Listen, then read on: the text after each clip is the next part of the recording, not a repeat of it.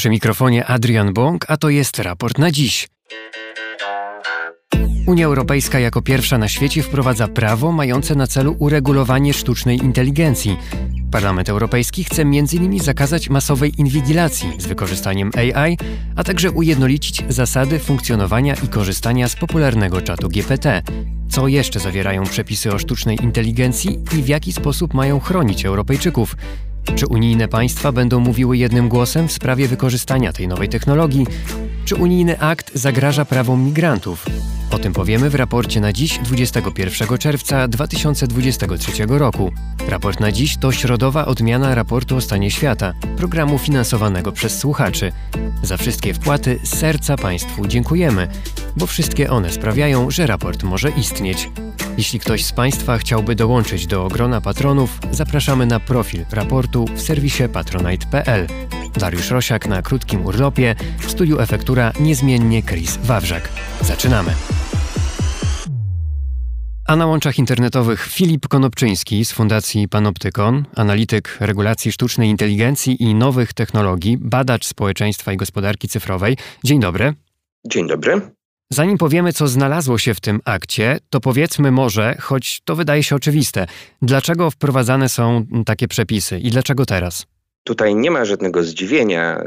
Sztuczną inteligencję należy regulować tak samo jak każdą inną technologię i skoro udało się uregulować tak skomplikowane i potencjalnie zarówno pozytywne, jak i bardzo groźne mm, zdobycze nauki jak energia atomowa czy, czy różne, różne kwestie związane z biotechnologią, to nie ma powodu, żeby w ten sam sposób nie regulować sztucznej inteligencji. Dodajmy też, że ten akt czy te przepisy no, nie powstały w ciągu kilku miesięcy, gdy to świat usłyszał o czacie GPT e, i wszystkich szansach, ale też zagrożeniach z tym związanych, ale wcześniej. Absolutnie. Pierwszy projekt Komisja Europejska złożyła w 2021 roku, więc udało się to uchwalić w no, dosyć szybkim, jak na Brukselę, tempie y, niewiele ponad dwóch lat. Y, no i od tego czasu ten projekt, y, a teraz w zasadzie już przegłosowana wersja przez Parlament Europejski, mocno się zmienił. Tak? To znaczy, o ile na początku to była technologia adresowana, to była regulacja adresowana przede wszystkim dla sektora nowych technologii, firm, które zajmują się AI-em, e, która miała wspierać innowacje i tylko bardzo ogólnie nakreślać takie ramy tego, co jest zabronione. No tak teraz udało się, także dzięki zaangażowaniu organizacji takich jak Panoptykon czy, czy sieć EDRI, której jesteśmy częścią, wprowadzić takie bardzo konkretne, z jednej strony poprawki, tak, poprawione przepisy dotyczące na przykład zakazów albo technologii wysokiego ryzyka, o czym mam nadzieję, że jeszcze wspomnimy, no ale także przyznać konkretne prawa, tak. E, prawa obywatelom. Więc ta droga jest od takiej regulacji, która przypominała trochę, że może była inspirowana takim prawem bezpieczeństwa produktów w stronę czegoś, co już przyznaje nam pewne prawa i ma taki, ma taki charakter, nie chcę powiedzieć konstytucji e, AI, ale, ale, ale już odnosi się do tych praw obywatelskich, co, co nas bardzo cieszy. No dobrze, to uporządkujmy, co znalazło się w tych e, finalnych zapisach. Możemy też porozmawiać, na ile one są finalne, czy jeszcze będą się zmieniać, ale jak można rozumieć, to działa trochę na zasadzie takich świateł drogowych, czyli mamy systemy sztucznej inteligencji ewidentnie zakazane, takie czerwone, pomarańczowe, czyli wysokiego ryzyka, o czym pan też wspomniał, i mamy też ograniczonego czy niskiego ryzyka, czyli takie światło zielone, choć nie wiem, czy to można zakwalifikować jako kolor zielony. No, to jest, myślę, że to jest dobra metafora, natomiast e, jak zawsze jest metaforami, ma pewne wady. Generalnie logika, którą przyjmuje, e, e, przyjęła komisja jeżeli chodzi o AI Act, to logika oparta na podejściu opartym na szacowaniu ryzyka. To znaczy pewne technologie AI, tak jak pan redaktor powiedział, no, powinny być po prostu zakazane. Inne w pewnych sytuacjach mogą być korzystne, ale są wielkie ryzyka, jeżeli one nie będą poddane odpowiednim standardom, czy, czy, czy właśnie nie będą w pewien sposób ograniczone. Inne z kolei wymagają minimalnych regulacji, czyli na przykład obowiązku poinformowania, że, że, że wobec nas stosowane jest AI. Czyli zamiast tego światła zielonego bardziej takie światło żółte, pomarańczowe i czerwone. Tak, i tutaj e, no, warto też powiedzieć, że po pierwsze, większość systemów e, sztucznej inteligencji, z którymi będziemy się spotykać w życiu codziennym, e, nie będzie regulowana w jakiś szczegółowy sposób, jeżeli chodzi o AI Act, więc, więc to, że najwięcej mówimy o tych groźnych zastosowaniach, to nie znaczy, że ich będzie najwięcej. No a z drugiej strony też warto, warto wspomnieć, i to też ma znaczenie pod kątem, pod kątem różnych prób krytykowania tego, tego podejścia Unii Europejskiej, to znaczy AI Act nie będzie obowiązywał obowiązywał w odniesieniu do badań naukowych, zarówno właśnie takich podstawowych, jak i wdrożeniowych, ani do wojskowości. Tak? Więc te wszystkie argumenty, które mówią, że to wstrzymuje innowacje, że świat nas wyprzedzi, no nie. AI Act będzie obowiązywał w momencie wprowadzenia produktów na rynek, czyli zarówno do administracji publicznej albo do, do sektora prywatnego. No i logika jest taka, jeżeli, jeżeli dana, dana firma czy instytucja chce e, oddać do użytku systemy, które no, wykorzystują sztuczną inteligencję, no to musi sprawdzić, czy one są bezpieczne. Tak? Więc tutaj z jednej strony mamy to ryzyko, a po tej pozytywnej stronie bezpieczeństwo. To jest ten cel. To jeśli Pan mówi o tym ryzyku, to powiedzmy na, na konkretnych przykładach czy systemach dotyczących tej sztucznej inteligencji, co znalazło się wśród tych najbardziej niebezpiecznych systemów. E, w Politico znalazłem taki artykuł, że bitwa o sztuczną inteligencję w Brukseli właściwie dotyczy, czy dotyczyła e, głównie nie czata GPT, o czym mówimy chyba najczęściej, a rozpoznawania twarzy. To właśnie system monitoringu czy masowej inwigilacji też e, niektórzy powiedzą, wywołuje najwięcej kontrowersji. Czy to jest właśnie to, czego czego w, też w dużej mierze mają dotyczyć te regulacje? E, no powiedziałbym, że tak, w tych ostatnich, w zasadzie w ostatnich tygodniach najwięcej kontrowersji budziła właśnie kwestia tej zdalnej mm, inwigilacji osób w miejscach publicznych. E, I, I, to jest no, na pewno groźna technologia i dobrze, że udało się ostatecznie jej zakazać w tym wydaniu właśnie w czasie rzeczywistym, bo, bo to byłoby bardzo niebezpieczne narzędzie. Natomiast temat może wrócić, ale warto, warto jednak cofnąć się trochę do tyłu, no bo to, że to wzbudziło polityczne kontrowersje, to nie znaczy, że to jest tak y, najistotniejsze w tym procesie oraz, że to jest akurat ta największa zmiana.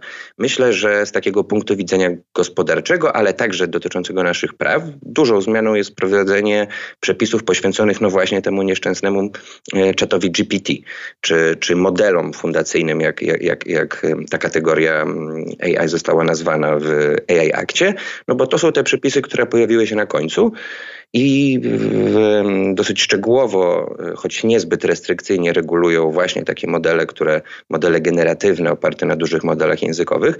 No i jak wiemy niestety z, z doniesień między innymi Timesa, ale także Polityko, był to jeden z tych głównych e, obszarów batalii pomiędzy lobbystami, tak, lobbystami a politykami i trzeba powiedzieć, że mm, przedstawicielom właśnie, właśnie między innymi Google'a czy Microsoftu udało się wprowadzić takie, takie przepisy, które są, wydają się być dosyć, dosyć korzystne dla, dla twórców takich dużych modeli językowych.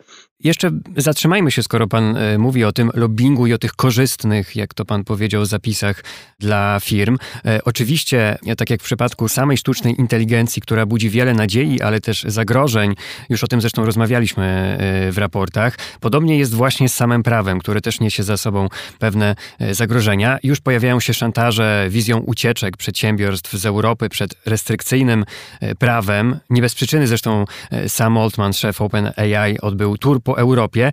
Krystian Łukasik, ekonomista w Polskim Instytucie Ekonomicznym, pisze tak. Tur sama Oltmana po Europie, w trakcie którego opowiadał o potrzebie regulacji, był tylko przykrywką do rozwodnienia aktu przez lobbystów OpenAI. Osłabić europejskie prawo udało się skutecznie, bo część poprawek lobbystów trafiła do finalnego tekstu. To właśnie o tym pan mówił? Tak, myślę, że Krystian Łukasik odwołał się do tego samego, o czym wspomniałem. To znaczy, mm, faktycznie wizyta Altmana, między innymi w Warszawie, gdzie pamiętajmy, że przed tym, jak spotkał się ze studentami na takim otwartym otwartym, otwartej sesji QA na UW. Wcześniej spotkał się z premierem Morawieckim. Możemy tylko domniemywać, o czym obaj panowie rozmawiali. Zakładam, że dotyczyło to no właśnie tego, żeby, żeby rząd polski, no bo tutaj, tutaj po głosowaniu w Parlamencie Europejskim to właśnie Rada Unii Europejskiej, czyli przedstawiciele rządów będą mieli dużo do powiedzenia, jeżeli chodzi o ostateczny kształt tego aktu. No żeby przedstawiciele, przedstawiciele rządów byli przychylni dla narracji czy mówiąc bardziej konkretnie, rozwiązań, które, które postuluje Altman jako przedstawiciel OpenAI. No i e, tutaj jest, e, tutaj będzie ważny front tej batalii w ramach procesu trilogu, który się już rozpoczął i który będzie trwał prawdopodobnie do końca roku. Natomiast też, żeby nie, mm, nie skupiać się tylko na tych ciemnych stronach, tak, czy na tych zagrożeniach, które, które przed nami są, chociaż niestety one będą, Warto też powiedzieć o tym, co udało się wywalczyć. Tak? I tutaj um, wspominałem na początku, że ten akt jest lepszy od tego, co zaproponowała komisja.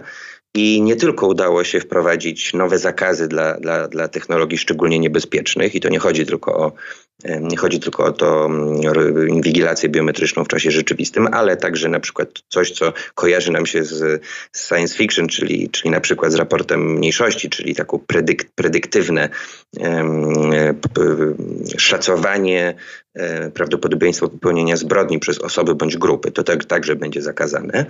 Mm, ale y, i z czego my jesteśmy bardzo zadowoleni jako przedstawiciele organizacji, które walczą o te prawa w przestrzeni cyfrowej, udało się w odniesieniu do tej technologii wysokiego ryzyka wprowadzić mechanizm obowiązkowy dla, dla twórców takich, dla podmiotów, które wdrażają takie systemy, mechanizm szacowania wpływu tych systemów na nasze prawa podstawowe. Tak? Czyli jeżeli na przykład um, instytucja publiczna będzie chciała wprowadzić system, który będzie mm, analizował stan faktyczny albo brał pod uwagę sytuację prawną obywateli, no to będzie musiała przeprowadzić taką analizę, szacunek tego, jak dane rozwiązania mogą wpływać na e, osoby, które będą poddane działaniom tych systemów.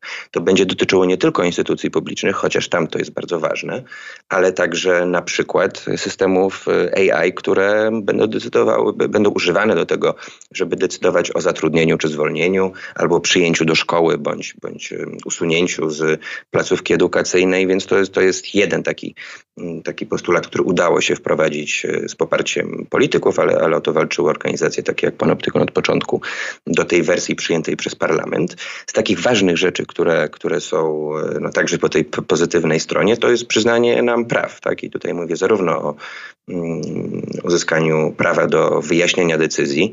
Niestety tylko w przypadku systemu wysokiego ryzyka. My chcieliśmy, żeby to było szerzej, żeby każda ważna decyzja, którą, którą, która jest podejmowana z, przy wykorzystaniu AI, mm, dawała taką możliwość, że zapytamy się, na jakiej podstawie ona została, została podjęta.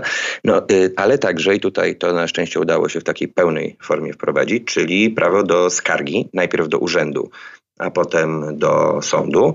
Czyli jeżeli urząd albo prywatna firma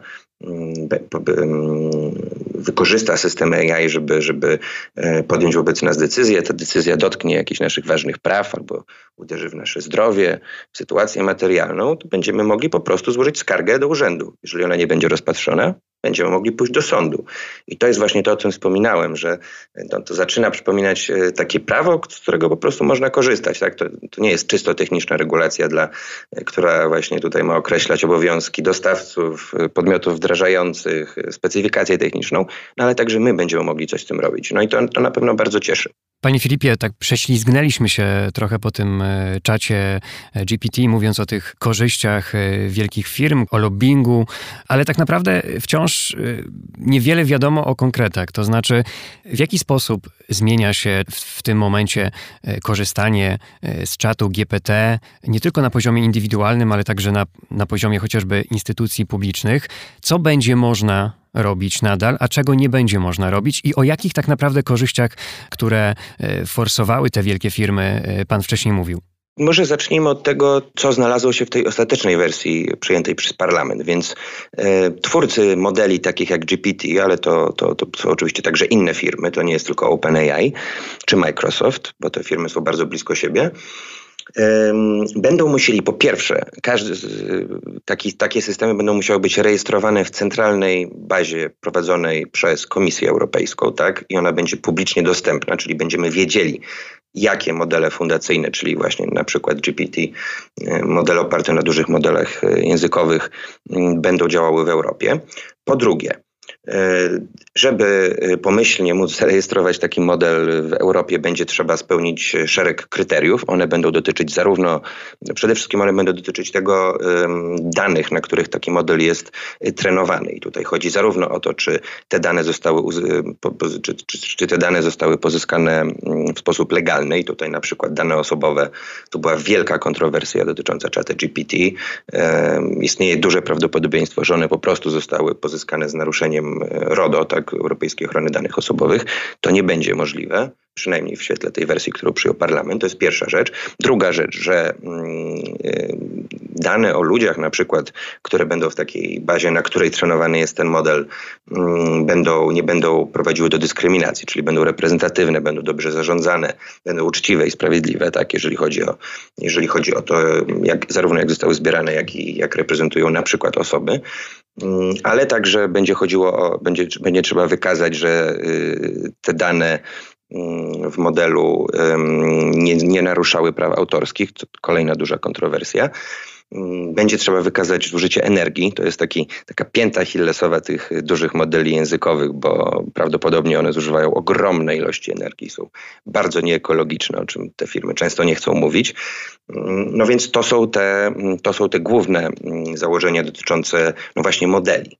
Natomiast w przypadku już aplikacji, bo ChatGPT nie jest modelem, tylko aplikacją, model to jest GPT, mm, będą inne wymogi, czyli na przykład od prostych rzeczy, czyli obowiązek poinformowania użytkownika, że wchodzimy w interakcję z chatbotem. Tak? Nie będzie można udawać, że jest to prawdziwy człowiek. Mm, kolejnym, kolejny obowiązek dotyczy na przykład tak zwanej generatywnej sztucznej inteligencji, czyli tego, co jest w stanie na przykład przerobić tekst, napisać kody, zanalizować obrazek albo go stworzyć. Tutaj będziemy musieli z kolei być w jakiś sposób informowani, że y, wytwór wytwór takiego, takiego programu jest y, właśnie dziełem, dziełem, dziełem sztucznej inteligencji. No więc to są te rzeczy, które najbliżej, najbliżej dotykają właśnie tego osławionego GPT no, który odegrał taką dwuznaczną rolę w tym procesie, bo z jednej strony wspominałem o, o tych lobbystycznych e, kampaniach, które, no, których celem było tak mówiąc w skrócie, to, żeby tego typu modele i systemy nie były traktowane jako, jako AI wysokiego ryzyka, tylko żeby były inne regulacje. No i stanęło na tych innych regulacjach. E, natomiast to jest ta negatywna, tak bym powiedział, strona. Pozytywna jest taka, że dzięki temu, że setki milionów ludzi mm, zaczęły korzystać właśnie z, z, z tej aplikacji, stała się to najszybciej, najszybciej ściągana aplikacja w historii internetu, no to zaczęła się taka duża dyskusja i e, AI, jak, jak to ujmujemy, trafiła pod strzechy, to znaczy stała się przedmiotem codziennych rozmów. E, zaczęto rozmawiać nie tylko o tych wspaniałych funkcjach, ale także o tych wielkich zagrożeniach. Zagrożeniach związanych na przykład z propagandą, która jest teraz najtańsza, jest tak tania jak, jak nigdy, z masową dezinformacją, z no właśnie naruszeniami praw autorskich, z naruszeniami, to, to jest pewnie w tym wszystkim najważniejsze, z korzystaniem z naszych danych osobowych, z tym, że tego typu czaty mogą generować mowę nienawiści. No, to są naprawdę poważne, poważne wyzwania, których jest zresztą znacznie więcej i pewnie nie mamy czasu czasu, żeby je wszystkie omówić. Mm, natomiast e, no właśnie dzięki temu, że świat zaczął dyskutować o GPT, politycy jeszcze bardziej zainteresowani się AI aktem i myślę, tak myślimy, że także dzięki temu e, w tych ostatecznych kompromisach, które zostały przyjęte w połowie maja przez, przez największe grupy w Europarlamencie, no, tych przepisów właśnie, które odpowiadają na potrzeby dotyczące naszych praw i, i naszego bezpieczeństwa jest więcej. Więc nie jest idealnie. Wiele rzeczy chcielibyśmy zrobić inaczej, natomiast trzeba też szanować ten progres, który udało się uzyskać, no i go zabezpieczyć, bo jak wspominałem, teraz rozpoczyna się ten okres trilogu i. Okres trilogu, czyli? E, czyli tak zwanego dialogu trójstronnego pomiędzy Parlamentem Europejskim, Komisją Europejską i Radą Unii Europejskiej, gdzie będzie ucierało się to ostateczne brzmienie aktu. To znaczy każda z tych instytucji ma, e, przyjęła własną wersję e, tego aktu. No i teraz, teraz negocjacje zdecydują o tym, jak będzie wyglądał ostateczny, ostateczny kształt nowego prawa. Tak, to ucieranie, o którym Pan wspomniał, e, oczywiście nie musi przebiegnąć e, bezproblemowo. E, wiadomo, że no, pewnie poszczególne kraje członkowskie mają różne interesy. Zresztą już kilka państw członkowskich, takich jak Czechy, Włochy, Malta, Polska czy Portugalia, rozważa, a nawet konkretnie planuje działania ustawodawcze dotyczące odpowiedzialności cywilnej za sztuczną inteligencję. To tak właśnie będzie wyglądało? To znaczy, czego my się możemy spodziewać? Możemy spodziewać się jedności? Tu, jeżeli chodzi o kwestię odpowiedzialności, to, to, jest, y, to jest co innego. Tak? Y, jest zresztą osobny akt prawny y, na poziomie unijnym, właśnie dotyczący, dotyczący odpowiedzialności za szkody dokonane z użyciem właśnie takich systemów sztucznej inteligencji. To jest, to jest inna sprawa. Jeżeli chodzi o Trilog, to tutaj te osie sporu są gdzie indziej. E, jednym z głównych wyzwań, które dostrzegamy w Panoptykonie jest kwestia tak zwanego bezpieczeństwa narodowego. Otóż kiedy na jesieni zeszłego roku Rada Unii Europejskiej, czyli szefowie rządów przyjmowali swoją wersję e, AI Aktu, tam znalazł się taki przepis, który pozwala rządom y, nie stosować, w całości nie stosować tego aktu y, w przypadku zagrożenia dla bezpieczeństwa narodowego. No i to jest niezwykle niebezpieczne, bo po pierwsze, nie ma y, w prawie Unii Europejskiej takiej jednoznacznej, niekwestionowanej definicji tego, czym jest bezpieczeństwo narodowe. No i w związku z czym to otwiera furtkę dla no właśnie kreatywności polityków. Tak? Możemy sobie tylko wyobrażać, jakie zdarzenia, czy faktycznie rzeczy, które zagrażają bezpieczeństwu obywateli, czy może raczej e, bardziej niecne intencje dotyczące na przykład tego, że rządowi się nie będzie podobało, jak dana grupa społeczna protestuje, albo będzie chciał znaleźć jakieś narzędzie do tego, żeby prześladować czy inwigilować opozycję. Zresztą też piszą Państwo na stronie Panoptykonu wprost e, o migrantach, którzy mogą pozostać bez gwarancji ochrony przed sztuczną inteligencją. Piszą Państwo, kraje południa Europy być może rozglądają się za narzędziami, które pomogą urzędnikom na granicy sortować osoby przebywające na te, które mają szansę dostać azyl i na te, które jej nie mają i zasłonić się decyzją uważanej za pozbawioną ludzkich uprzedzeń sztucznej inteligencji. No to brzmi trochę niepokojąco. To brzmi bardzo niepokojąco i w ramach sieci EDRI zabiegaliśmy o to, żeby wprowadzić całkowity zakaz e, stosowania pewnych inwazyjnych e, technik opartych na sztucznej inteligencji wobec osób, które e, przekraczają europejskie granice. Niestety to się nie udało. No i faktycznie powstaje taki, jeszcze nie wiemy jak ten system będzie ostatecznie wyglądał, ale mamy, no mamy, bardzo się niepokoimy tym, że może to dać e, wolną rękę albo przynajmniej ułatwić pewne no, naruszające podstawowe prawa człowieka e, techniki, takie jak na przykład szacowanie ryzyka wystąpienia chorób. E, czy szacowanie, mm, e, szacowanie ryzyka e, popełnienia przestępstwa no, przez osoby, które nie dokonały tych przestępstw, które wkraczają na teren Unii Europejskiej, a także przebywają o tym statusie migranckim. Więc możemy być w takiej sytuacji, że te problemy będą duże i no, to źle świadczy po prostu o Unii Europejskiej, że pozwala na takie rzeczy. Natomiast wracając do tej kwestii bezpieczeństwa narodowego, to tutaj jest, e, to, to jest jeszcze inna, jeszcze inna rzecz, no bo korzystając z tego wyjątku, e, jeżeli rząd uzna, że będzie chciał zastosować e, tak właśnie takie wyłączenie oparte na bezpieczeństwie narodowym, no to będzie można stosować to wobec obywateli, tak? E, nie tylko migrantów, ale, ale nas wszystkich.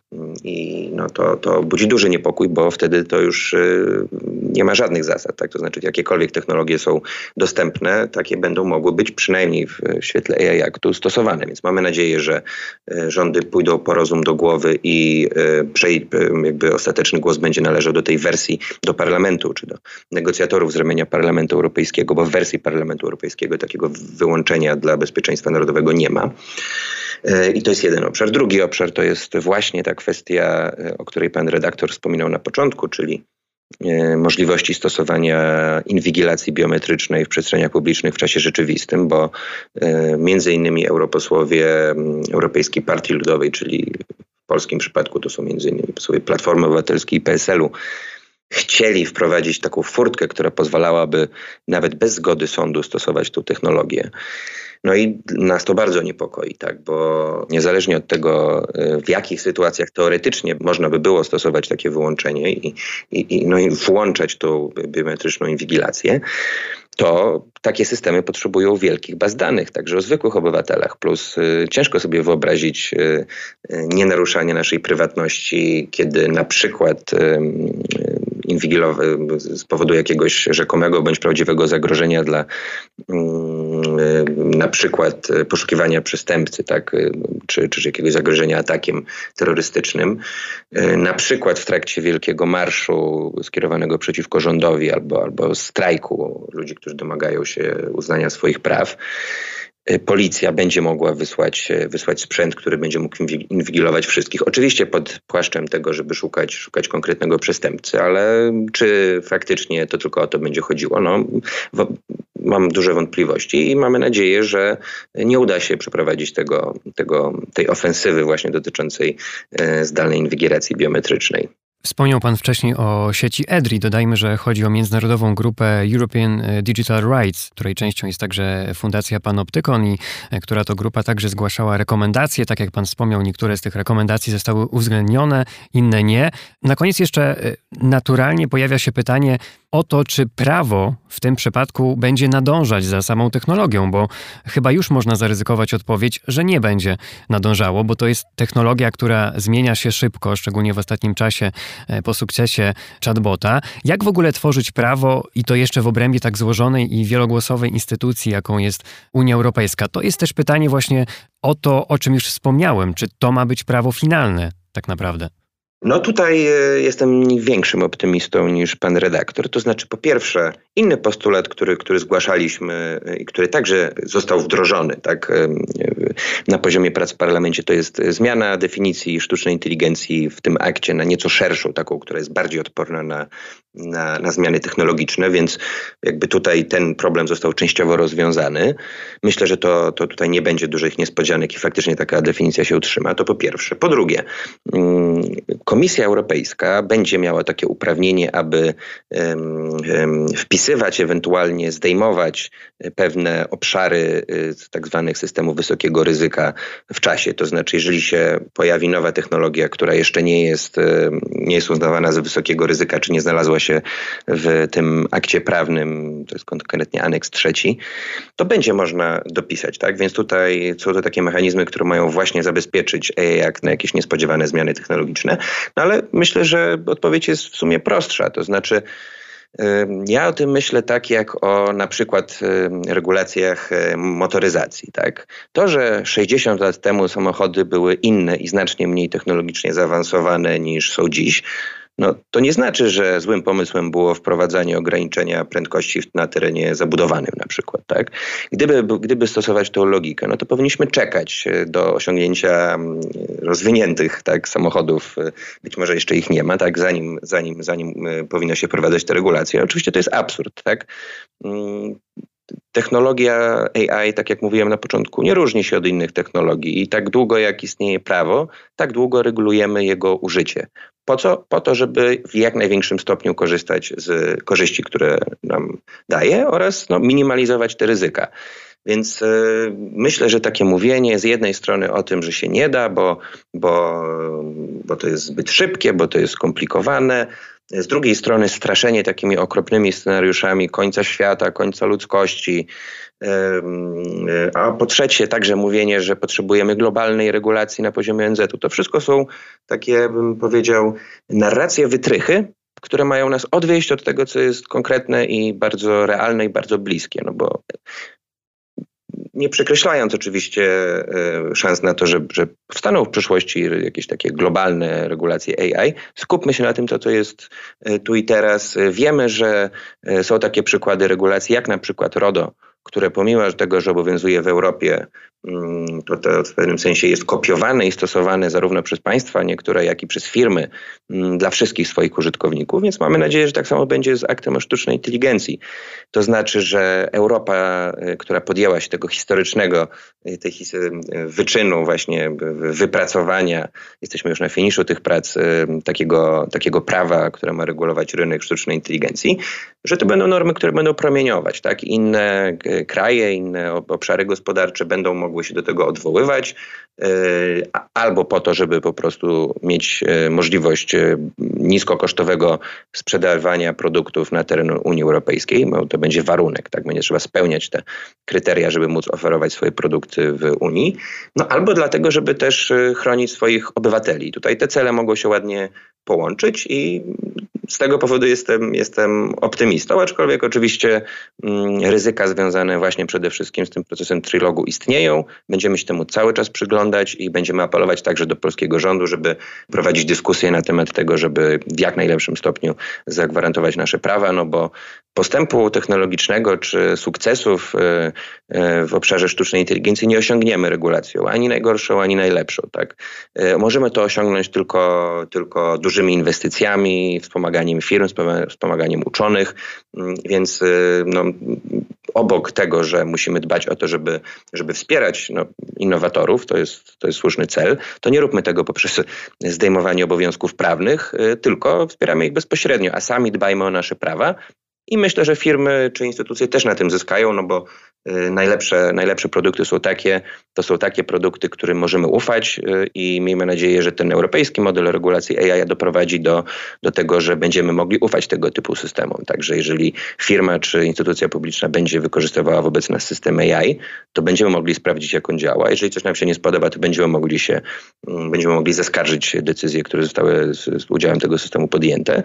Y, a jeżeli, jeżeli problemy będą większe, to odpowiednie organy będą w stanie albo zablokować daną, daną technologię, używanie danej technologii w Europie, albo nałożyć, nie, nie albo, ale zablokować i jednocześnie nałożyć kary. I to mogą być bardzo wysokie kary, tak? Więc to, to nie jest bezzębny akt prawny, tak? Wyobrażam sobie, że gdyby Microsoft dostał karę w wysokości 7% globalnego obrotu, rocznego, to byłoby to, byłaby to bardzo dotkliwa kara, więc, więc no, są i takie, jest nie tylko marchewka, ale są także, jest także key w, w AI Akcie. Filip Konopczyński z Fundacji Panoptykon, bardzo dziękuję. Bardzo dziękuję. I to już prawie wszystko w dzisiejszym wydaniu raportu na dziś. Zapraszam na sobotę na główne wydanie raportu o stanie świata, a wszystkie nasze programy możemy realizować dzięki Państwu, za co z serca dziękujemy.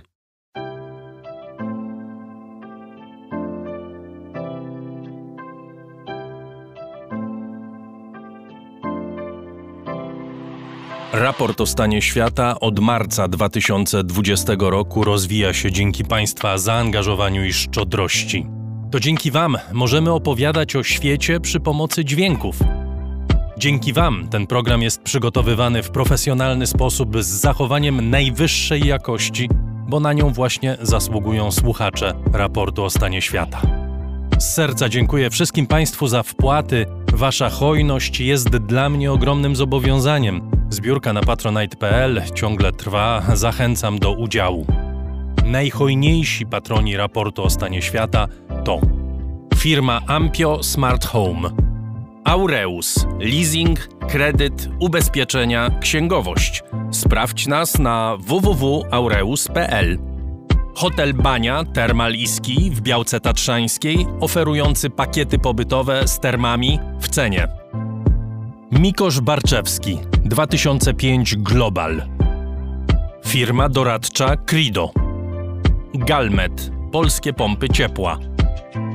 Sklep internetowy goldsaver.pl w którym sztabkę fizycznego złota kupisz po kawałku i bez wydawania jednorazowo dużych kwot. KR Group. Firma outsourcingowa. www.krgroup.pl Razem w przyszłość. Polsko-Japońska Akademia Technik Komputerowych, Warszawa, Gdańsk, Bytom. Michał Małkiewicz.